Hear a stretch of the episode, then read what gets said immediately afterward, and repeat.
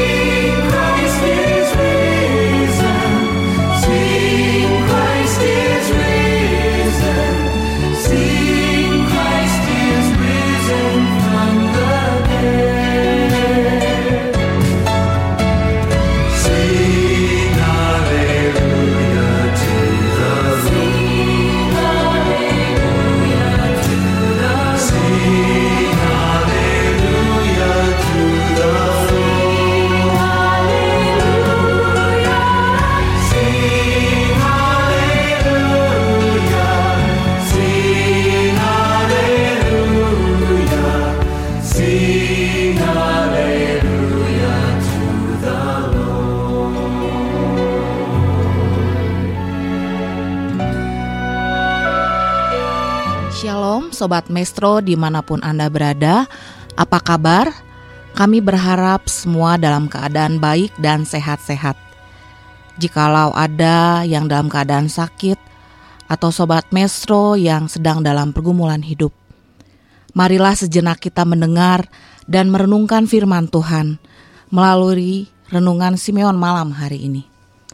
Renungan Simeon adalah renungan yang ditujukan untuk mensyukuri keselamatan yang diberikan Tuhan.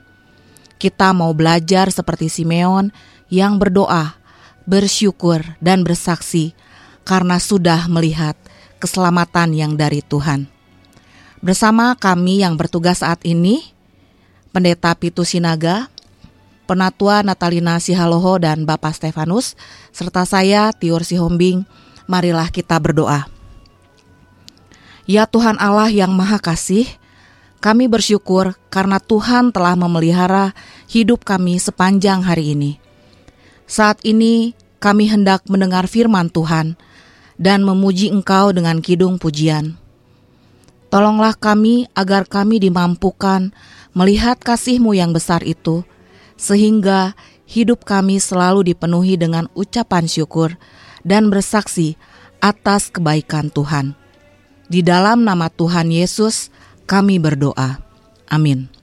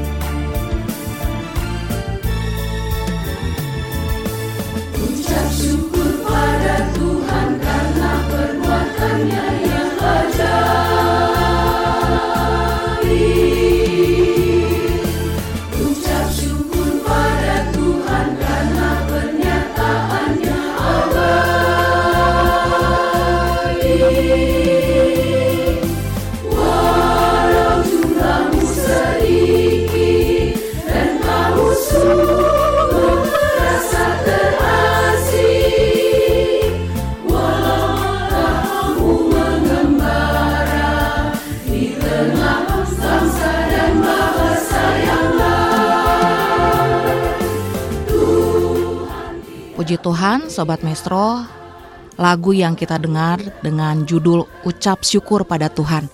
Hari ini pun merupakan hari yang kita peringati sebagai Hari Pahlawan, 10 November. Kita mengucap syukur kepada Tuhan untuk kasih yang Tuhan berikan bagi bangsa dan negara kita. Kita pun mengucap syukur atas pahlawan-pahlawan yang telah diberikan Tuhan bagi negara kita, sehingga negara kita menjadi negara yang merdeka atas anugerah Tuhan. Sobat Mesro, renungan Simeon malam hari ini dengan topik mengucap syukur dalam segala hal. Diambil dari 1 Tesalonika 5 ayat 16 sampai 18. Sobat Mesro dapat memberikan tanggapan atau pertanyaan terkait renungan malam hari ini yang akan dibawakan oleh Bapak Pendeta Pitu Sinaga. Untuk eh, tanggapan atau pertanyaan atau ingin didoakan, Sobat Mesro dapat menghubungi khusus untuk hari ini di nomor 081822 3846. Saya ulangi satu kali lagi di WhatsApp nomor 0818 223 846. Marilah kita mendengarkan renungan malam hari ini. Silakan Bapak Pendeta Pitu Sinaga. Ya, baik. Terima kasih Ibu Tiur. Selamat malam dan salam sejahtera Bapak Ibu Saudara-saudari, Sobat Maestro sekalian. Kita akan mendengarkan firman Tuhan dalam persekutuan kita malam hari ini. Terlebih dahulu marilah kita berdoa. Kasih dan damai sejahtera yang dari Allah Bapa dan dari anaknya Tuhan Yesus Kristus kiranya menyertai engkau sekalian. Amin. Baik Bapak Ibu, Saudara, Sobat Maestro yang dikasihi Tuhan kita Yesus Kristus, kita akan mendengarkan firman Tuhan dari surat Rasul Paulus yang kedua kepada jemaat di Tesalonik, pasal yang pertama, ayat 16 hingga ayat 18. Saya akan dibantu oleh Ibu Natalina untuk membacakannya bagi kita. Marilah kita simak masing-masing. Sobat Maestro, Firman Tuhan kali ini diambil dari 1, 1 Tesalonika 5 ayat 16 sampai 18. Demikian firman Tuhan. Bersukacitalah senantiasa, tetaplah berdoa, mengucap syukurlah dalam segala hal, sebab itulah yang dikehendaki Allah di dalam Kristus Yesus bagi kamu. Demikian firman Tuhan. Baik, terima kasih. Bapak Ibu, saudara-saudara, sobat maestro yang dikasih Yesus Kristus, kalau kita simak tadi pembacaan firman Tuhan, dari situ kita lihat bahwa ada tiga hal yang sangat penting yang dikehendaki oleh Yesus Kristus untuk kita lakukan sebagai orang-orang yang percaya. Yang pertama, bersukacitalah senantiasa. Dan yang kedua, tetaplah berdoa. Dan ketiga, mengucap syukurlah dalam segala hal. Pertanyaannya adalah bagaimana bersuka cita berdoa dan selalu mengucap syukur dalam segala hal. Banyak orang yang mengatakan, "Ah, ketiga hal ini tidak terlalu sulit dilakukan. Itu mudah dilakukan." Memang benar Bapak Ibu yang dikasih Yesus Kristus. Itu adalah hal yang mudah dilakukan. Bersuka cita, berdoa, mengucap syukur, memang mudah kita lakukan. Ketika kita memang kehidupan kita sedang dalam keadaan menyenangkan. Memang mudah untuk bersuka cita, mudah untuk mengucap syukur ketika hidup kita dalam keadaan baik-baik saja. Ketika kita sehat, ketika kita naik pangkat misalnya, ketika apa yang kita inginkan terjadi atau terwujud, itu semua membuat kita mudah bersuka cita dan mengucap syukur. Tetapi sebaliknya, bagaimana kita bisa bersuka cita kalau hidup kita sedang dalam pergumulan? Apakah kita mampu ketika kita menghadapi banyak persoalan? Apakah kita mampu mengucap syukur? Misalnya hidup Anda mengalami sakit penyakit yang sudah bertahun-tahun tidak sembuh-sembuh. Mampukah Anda bersyukur? Ketika apa yang Anda inginkan tidak terwujud, bahkan hingga sekian lama, apakah Anda bisa bersyukur, mengucap syukur, dan bersuka cita? Ketika jabatan Anda yang sebelumnya sudah tinggi, tetapi menjadi jatuh, kedudukan Anda menjadi jatuh, apakah Anda mampu bersyukur? Apakah Anda mampu bersuka cita? Kalau hanya bersyukur dan bersuka cita ketika mengalami hal-hal yang menyenangkan, semua orang juga bisa melakukannya. Tetapi yang luar biasa adalah ketika kita mampu bersuka cita, berdoa, dan mengucap syukur dalam segala hal, artinya hal apa pun yang kita alami. Dan inilah masalahnya Bapak Ibu yang dikasih Yesus Kristus. Di ayat 18 tadi dikatakan mengucap syukurlah dalam segala hal. Artinya dalam segala sesuatu, baik suka, baik duka, kita harus mampu bersyukur dan ini adalah hal yang tidak mudah. Ini adalah hal yang sulit. Lalu mengapa Yesus menghendaki supaya kita tetap melakukan yang ketiga hal ini, bersuka cita, berdoa dan mengucap syukur? Bagaimana kita mampu bersyukur ketika menghadapi hal-hal yang tidak menyenangkan? Di sini kita akan belajar firman Tuhan bersama-sama. Yang pertama Bapak Ibu yang dikasih Yesus Kristus, tadi dikatakan bersukacitalah senantiasa. Apa dasar daripada sukacita orang-orang Kristen? Supaya bisa sukacita itu menetap tinggal dalam hidup kita. Jadi yang pertama adalah yang perlu kita ketahui dasar sukacita orang percaya adalah penyertaan Tuhan. Itu intinya, penyertaan Tuhan. Bukan kondisi di sekitar kita. Bukan apa yang terjadi di sekitar kita bukan hal-hal yang menyenangkan yang ada di sekitar kita yang membuat kita bersuka cita. Memang boleh saja kita bersuka cita oleh karena keadaan-keadaan di sekitar kita, tetapi kita harus ingat itu adalah sukacita yang hanya sementara. Karena jika yang sebaliknya terjadi, pergumulan terjadi di sekitar kita, bisa saja sukacita itu hilang.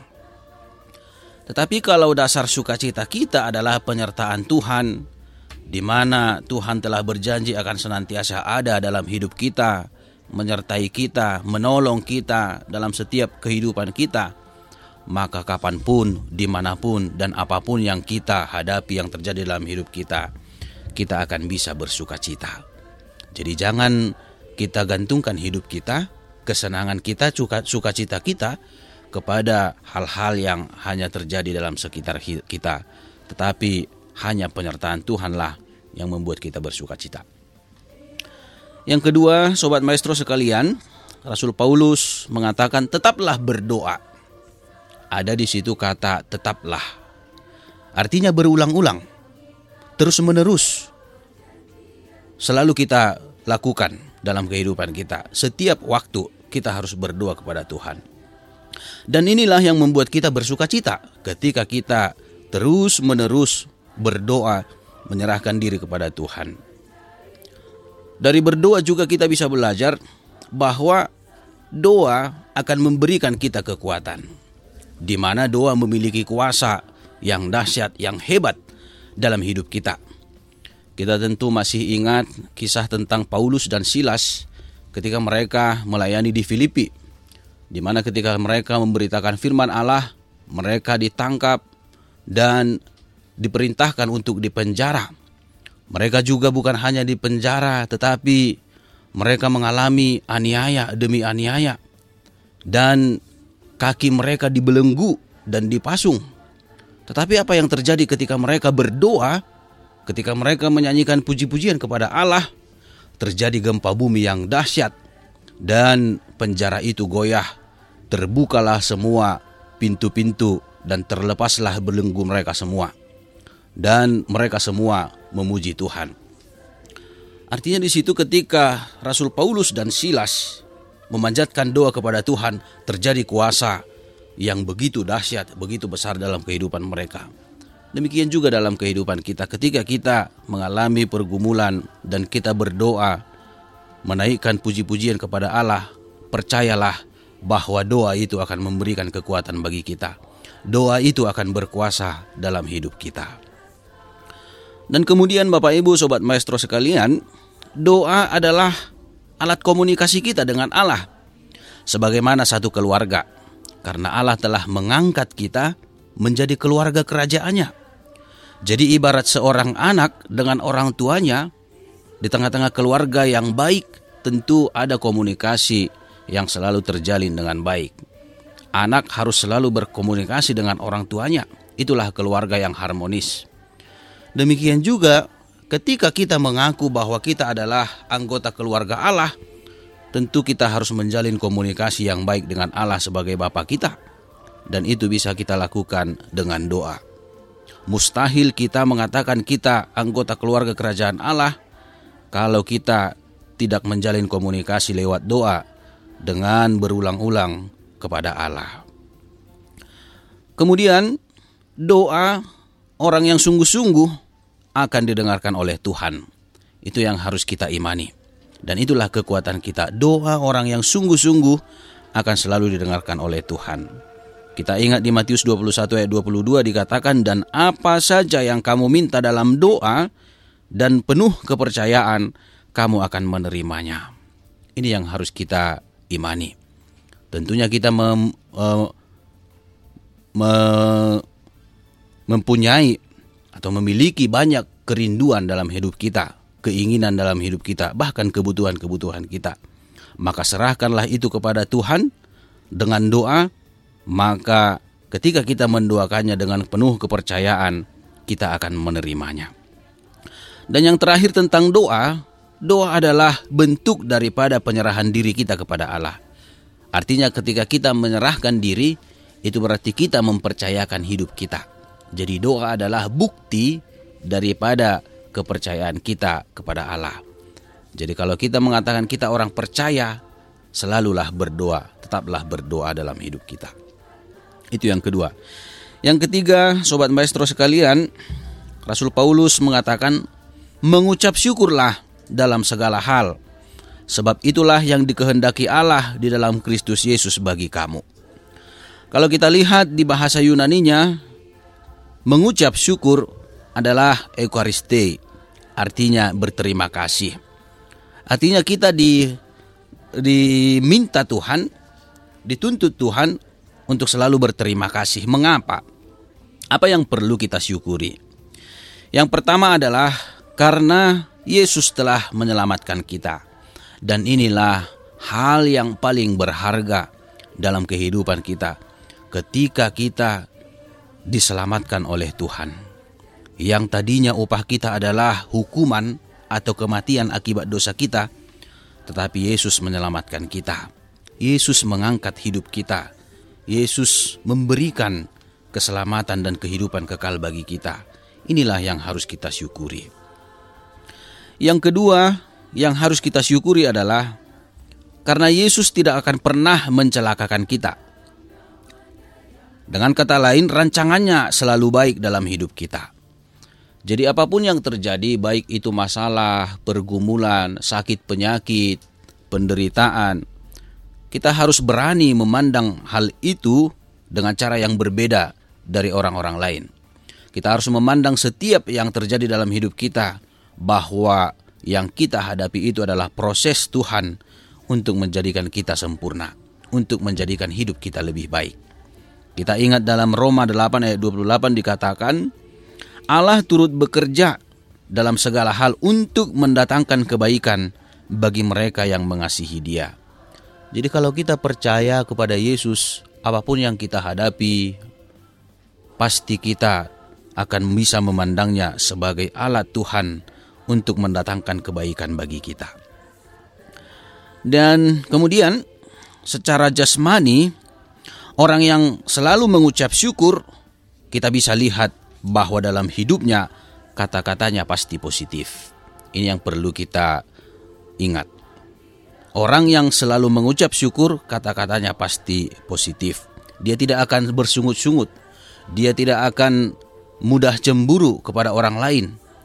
Dia tidak akan mengatakan kata-kata yang menjatuhkan orang lain, tetapi kata-kata yang positif. Dan ketika kata-katanya positif, dengan sendirinya dia adalah orang yang optimis, artinya selalu ada pengharapan. Orang yang tidak tahu bersyukur, pengharapannya tidak akan ada, dan itulah yang membuat hidupnya akan mengalami stres, akan mengalami semakin banyak masalah. Dan ketika kita optimis atau memiliki pengharapan, hidup kita akan kuat, bahkan tubuh kita juga akan lebih sehat. Berbeda ketika pikiran kita buruk, selalu merendahkan orang lain, kita selalu mengeluh, kita sering marah-marah, kita suka bersungut-sungut akan yang terjadi dalam kehidupan kita, itu akan bisa membuat hidup kita semakin menderita, bahkan tubuh kita juga akan mengalami sakit penyakit karena pikiran kita sudah buruk, hati kita sudah buruk. Tetapi ketika kita mengucap syukur, kata-kata kita positif, maka tubuh kita juga akan semakin sehat. Yang terakhir Bapak Ibu yang dikasih Yesus Kristus, Sobat Maestro sekalian, ketiga hal itu yang kita pelajari tadi bersuka cita, berdoa, mengucap syukur, pada intinya adalah suatu hal yang hanya bisa dilakukan oleh orang-orang yang beriman. Jadi bersuka cita, berdoa, mengucap syukur hanya bisa dilakukan oleh orang-orang yang beriman. Artinya orang yang telah percaya sepenuhnya kepada Yesus Kristus. Orang yang tidak lagi mengkhawatirkan hidupnya. Orang yang telah hidupnya berakar dalam Kristus. Dan inilah yang perlu dan harus kita tunjukkan dalam kehidupan kita Ketika kita berani menyatakan diri kita sebagai orang percaya, apa pun yang terjadi, ingatlah bahwa itu semua adalah cara Tuhan menyempurnakan kita supaya kita bisa bersuka cita, selalu berdoa, dan mengucap syukur. Amin.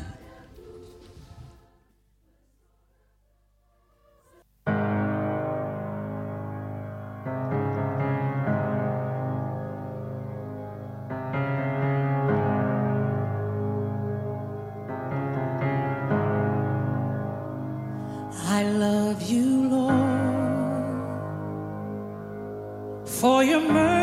mercy never fails me. All my days I've been held in your hand.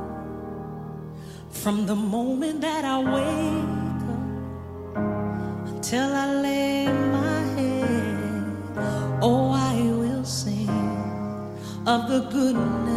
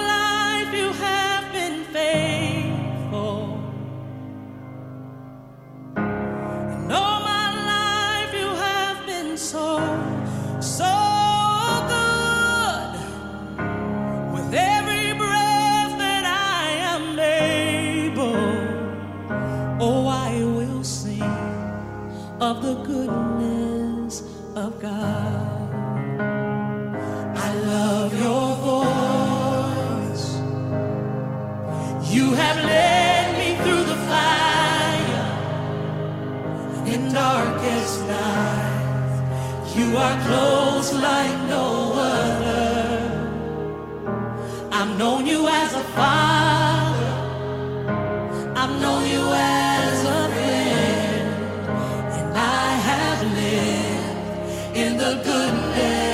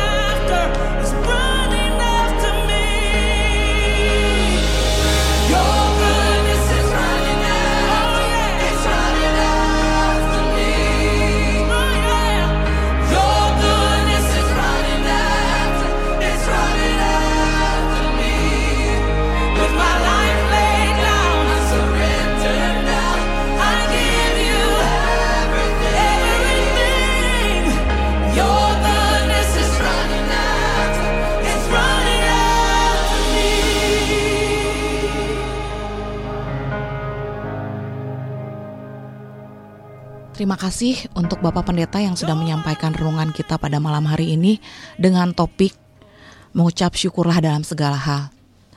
Bapak Pendeta, di sini ada pertanyaan Bapak Pendeta. Ini sebenarnya ayat yang sangat indah sekali dan memberikan kekuatan bagi setiap orang yang mengandalkan Tuhan dalam segala hal ya Bapak Pendeta. Tapi eh, seperti ini ya Bapak Pendeta, orang yang sudah sekian lama sakit, sekian lama bergumul, mungkin apa pun yang menjadi pergumulan dalam hidupnya yang menjadi beban dalam kehidupannya itu bagaimana dia bisa pada titik dia tetap harus bisa bersyukur dalam segala hal. Itu yang pertama Bapak Pendeta pertanyaan. Yang kedua, uh, situasi saat ini uh, di negara kita khususnya secara global di dunia dan juga di Indonesia sudah banyak prediksi-prediksi atau perkiraan-perkiraan tentang keadaan di tahun 2023. Dan juga di sini kita sudah banyak juga Bapak Pendeta kita dengar bahkan kita lihat dan kita rasakan sendiri tenaga tenaga-tenaga kerja kita dari perusahaan beberapa di PHK bahkan produksi dari pabrik-pabrik juga orderannya berkurang karena ya bisa dibilang kurang baik situasinya keadaannya. Nah, bagaimana Bapak Pendeta agar kita tetap bisa bersuka cita? Tadi Bapak Pendeta cerita Sukacita kita tidak diandalkan dari keadaan dunia ini atau dari teman kita atau dari apa pun juga. Tapi kita bersuka cita karena Tuhan Yesus sudah baik sama kita, udah sayang sama kita dan terutama memberikan keselamatan bagi kita. Nah, bagaimana Bapak Pendeta kita untuk bisa bersuka cita walaupun kita dengar situasi seperti ini mungkin kita takut ya, kita khawatir dengan masa depan kita. Tapi di sini juga dibilang tetaplah berdoa Bersukacitalah tetap berdoa, tetaplah berdoa dan mengucap syukurlah dalam segala hal. Sebab Allah, sebab itulah yang dikehendaki Allah dalam Kristus Yesus. Berarti uh, Tuhan sudah memperkirakan semuanya dan ini adalah perintah yang Tuhan inginkan bagi kita uh, umat yang percaya kepadanya. Silakan Bapak Pendeta. Ya, baik. Terima kasih Ibu Tiur. Ada pertanyaannya. Bagaimana bisa bersuka cita dalam keadaan yang eh, menyakitkan sekalipun, bahkan dalam pergumulan yang sudah bertahun-tahun. Ya, jadi memang eh, kalau kita hanya mengandalkan kekuatan kita, mengandalkan pikiran kita, sekalipun eh, nats firman ini selalu kita dengarkan, selalu kita eh, renungkan, kalau kita hanya mengandalkan kekuatan kita, memang itu uh, masih kurang. Makanya kalau kita baca selanjutnya di ayat 19, Rasul Paulus melanjutkan janganlah padamkan roh. Nah, itu intinya. Kekuatan kita adalah Roh Kudus yang daripada Tuhan. Ketika kita berusaha semaksimal mungkin tanpa adanya Roh Kudus dari Tuhan, itu tidak akan bisa kita lakukan. Oleh karena itu yang pertama yang ingin saya sampaikan adalah biarlah Roh Tuhan yang selalu bekerja dalam hidup kita. Artinya, percayakan hidup kita kepada penyertaan roh Tuhan. Jangan putus asa, jangan menyerah. Sekalipun misalnya penyakit yang kita alami sudah bertahun-tahun, tetapi ingatlah ada rencana Tuhan yang lebih baik. Dan Tuhan sudah uh, mengetahui apa yang lebih baik yang akan dia berikan dalam kehidupan kita. Jadi jangan menyerah, tetaplah bersuka cita, tetap berdoa kepada Tuhan. Saya berikan contoh uh, ada sebuah kisah tentang seorang nenek yang sedang duduk di sebuah kursi di pinggir jalan dan tongkatnya jatuh kira-kira satu meter dari tempat duduknya dan ada seorang pemuda yang berdiri tiga meter dari uh, tempat dia duduk. Nenek itu meminta tolong kepada pemuda itu untuk mengambilkan tongkatnya dan pemuda itu mengatakan, "Iya, sebentar saya akan ambil nanti." Dan setelah sekian lama dinantikan, ternyata pemuda itu tidak jadi mengambil tongkatnya. Akhirnya dengan uh, sedikit putus asa, si nenek itu mengambil tongkatnya sendiri. Tetapi ketika nenek itu beranjak dari tempat duduknya dan sekitar satu meter, terjadilah uh, tembok yang rubuh dari atas tempat duduk nenek itu dan oleh karena dia tadi sudah bergerak dari tempat duduknya, akhirnya dia selamat. Artinya di situ sekalipun hal yang sulit terjadi dalam kehidupan kita, ketika kita tetap berusaha, ketika kita uh, berharap kepada Tuhan, pertolongan Tuhan akan terjadi dalam hidup kita. Oleh karena itu, jangan menyerah, tetap bersyukur, tetap menyerahkan diri kepada Tuhan.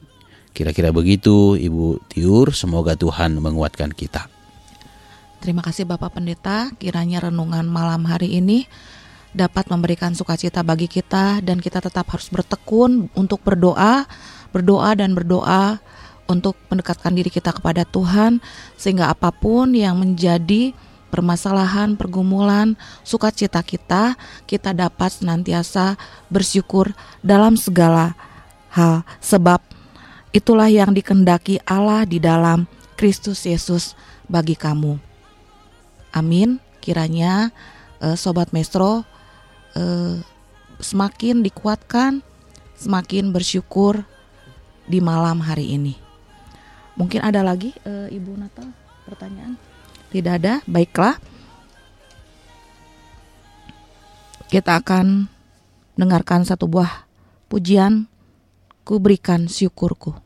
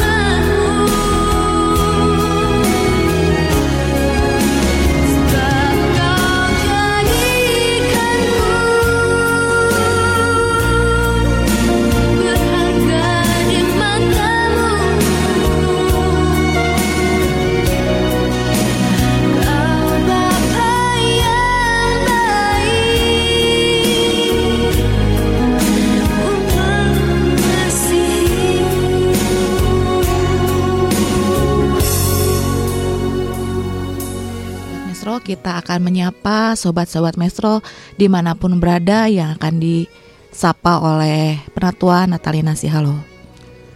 Terima kasih Sobat Maestro. Sekarang saya akan menyapa Sobat Maestro di mana pun Sobat Maestro berada. Berhubung hari ini kita memperingati Hari Pahlawan Izinkan kami hendak menyapa para anak pejuang uh, Republik Indonesia yang berada di uh, eh, HKBP Bandung Reformanda untuk keluarga Amang Sintua ESM Silain, keluarga Kak Rospita Sianturi, keluarga Nyonya Sihombing Boru Pasaribu, Kak Lucy dan Kak Nona, keluarga Ibu Feni Hasugian Boru Aritonang, keluarga Nyonya Sitorus Boru Manurung, keluarga Bang Toga Tambunan Inang Boru Sitompul, uh, keluarga Sintua M Huta Barat, Kak Esther dan Bang Rudi, serta keluarga besar si Hombing, Boru Aritonang, dari Patra Komala 58, keluarga Charles Panggabean Boru Simanjuntak. Selamat Hari Pahlawan dan juga eh, jemaat-jemaat yang lain yang juga merupakan anak atau cucu dari para pejuang kita. Kiranya Tuhan Yesus memberkati. Tak lupa juga kami ingin hendak menyapa Ibu Cisihwa bab di Kebonjati, kemudian Bapak Albert, Ibu Lingling, kiranya tetap sehat Bapak dan Ibu semuanya. Begitu pula dengan Ibu Mariani Gotom Borusi Tompul, Ibu Joyce Aritonang dan komunitas JK Bandung. Kemudian keluarga M Pasaribu, Ibu Boru Gotom, Kak Edit, keluarga Butar-Butar, Inang Borusi Tanggang, dan di sini juga kami hendak menyapa Ibu Pendeta Roida Huta Barat Borusi Tumorang, kemudian Ibu keluarga Besi Barani, Boru Manulang, Kak Saida, kemudian keluarga dokter gigi Sihotang, Borussia Gian dan Calvin Sihotang, keluarga M. Nababan, Ibu Nurmala Boru Sirait di Haji Yasin, Ibu Sarumpayet Boru Sihombing, dan kemudian juga kami hendak menyapa uh, untuk saudara kami Ibu Sintua TP Sirait Boru Tobing dan Ibu Marpaung Boru Dorok Saribu yang sedang menjaga cucunya karena sakit. Semoga cucunya segera sembuh. Kemudian juga hendak menyapa Ibu Leni Nainggolan Boru Sipayung, Ibu Irianti Saragi Boru Naibaho yang juga pada saat ini kurang fit. Semoga lekas sembuh juga.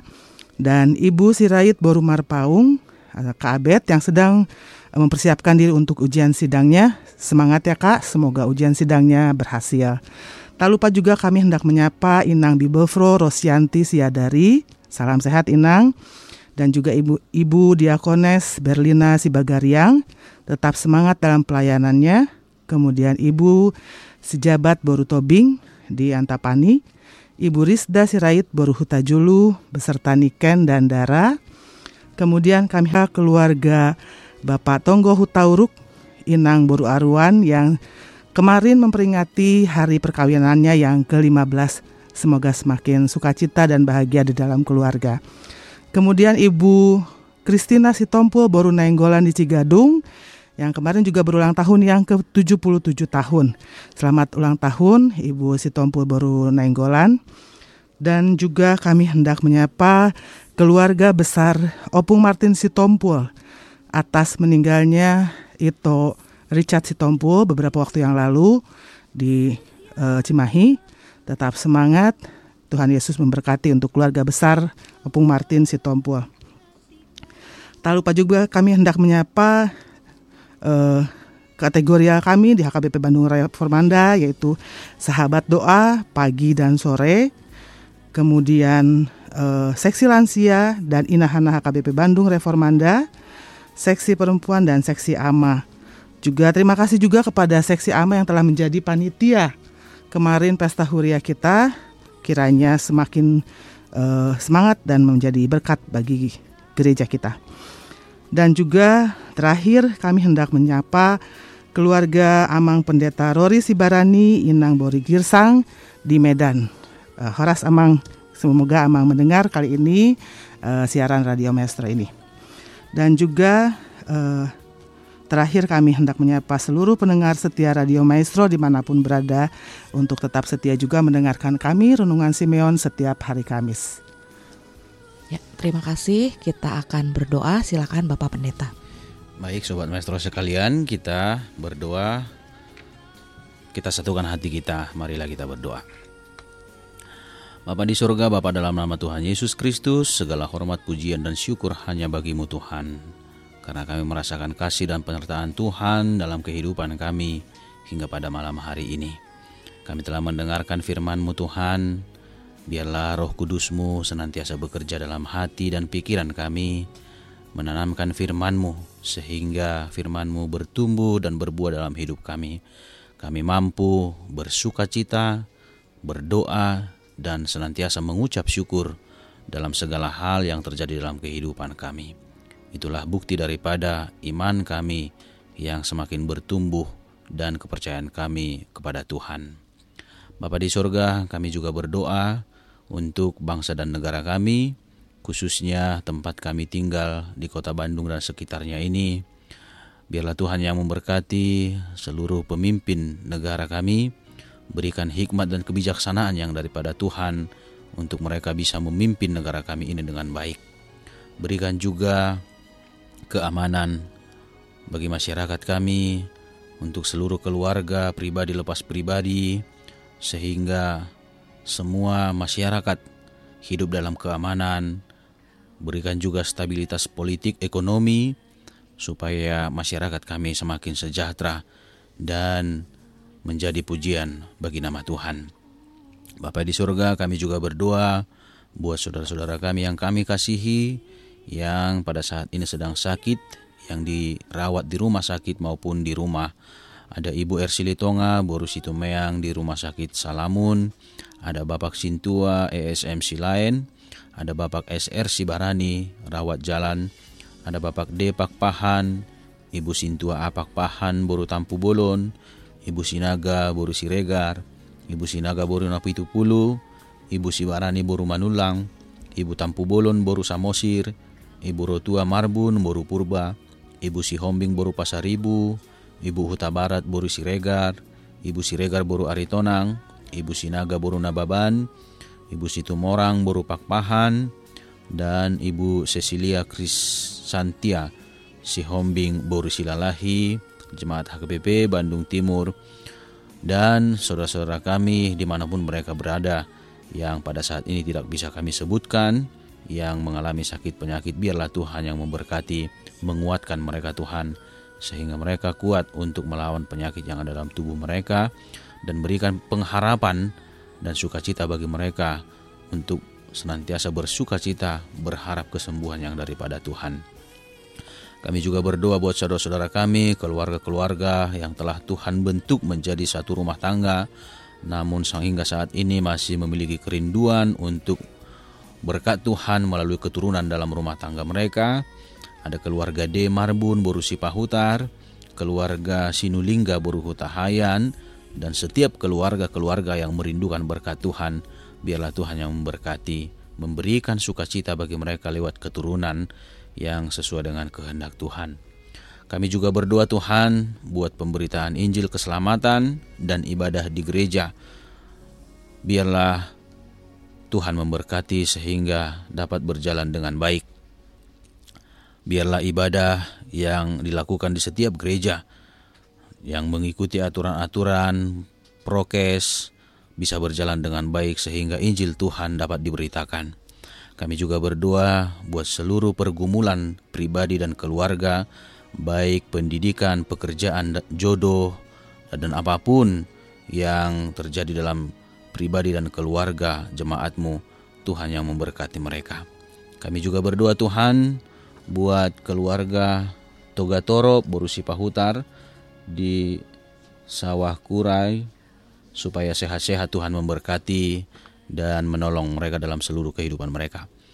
Kami juga berdoa Tuhan untuk Radio Maestro agar radio ini bisa tetap menjadi saluran pengabaran Injil menyebarkan Injil keselamatan daripada Tuhan, berkati pemilik yang bekerja dan seluruh pendengar Radio Maestro sehingga semua bersuka cita lewat siaran ini menerima keselamatan yang daripada Tuhan. Kami serahkan doa kami seluruhnya. Terlebih dahulu ampuni kami akan segala dosa kami. Kami bersyukur dalam nama Yesus Kristus Tuhan kami. Amin.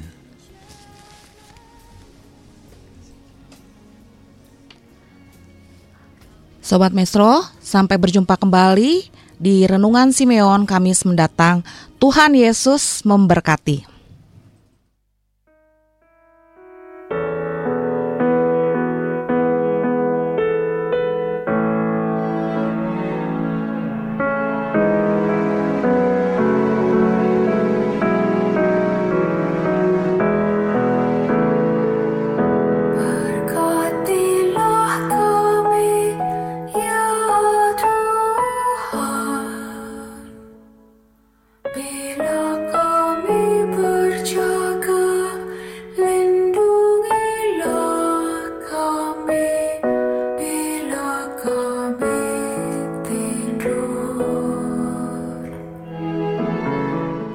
Sekarang Tuhan, biarkanlah hambamu ini pergi dalam damai sejahtera, sesuai dengan firman-Mu. Sebab mataku telah melihat keselamatan yang daripadamu, yang menjadi pernyataan bangsa-bangsa lain dan menjadi kemuliaan bagi umatmu Israel.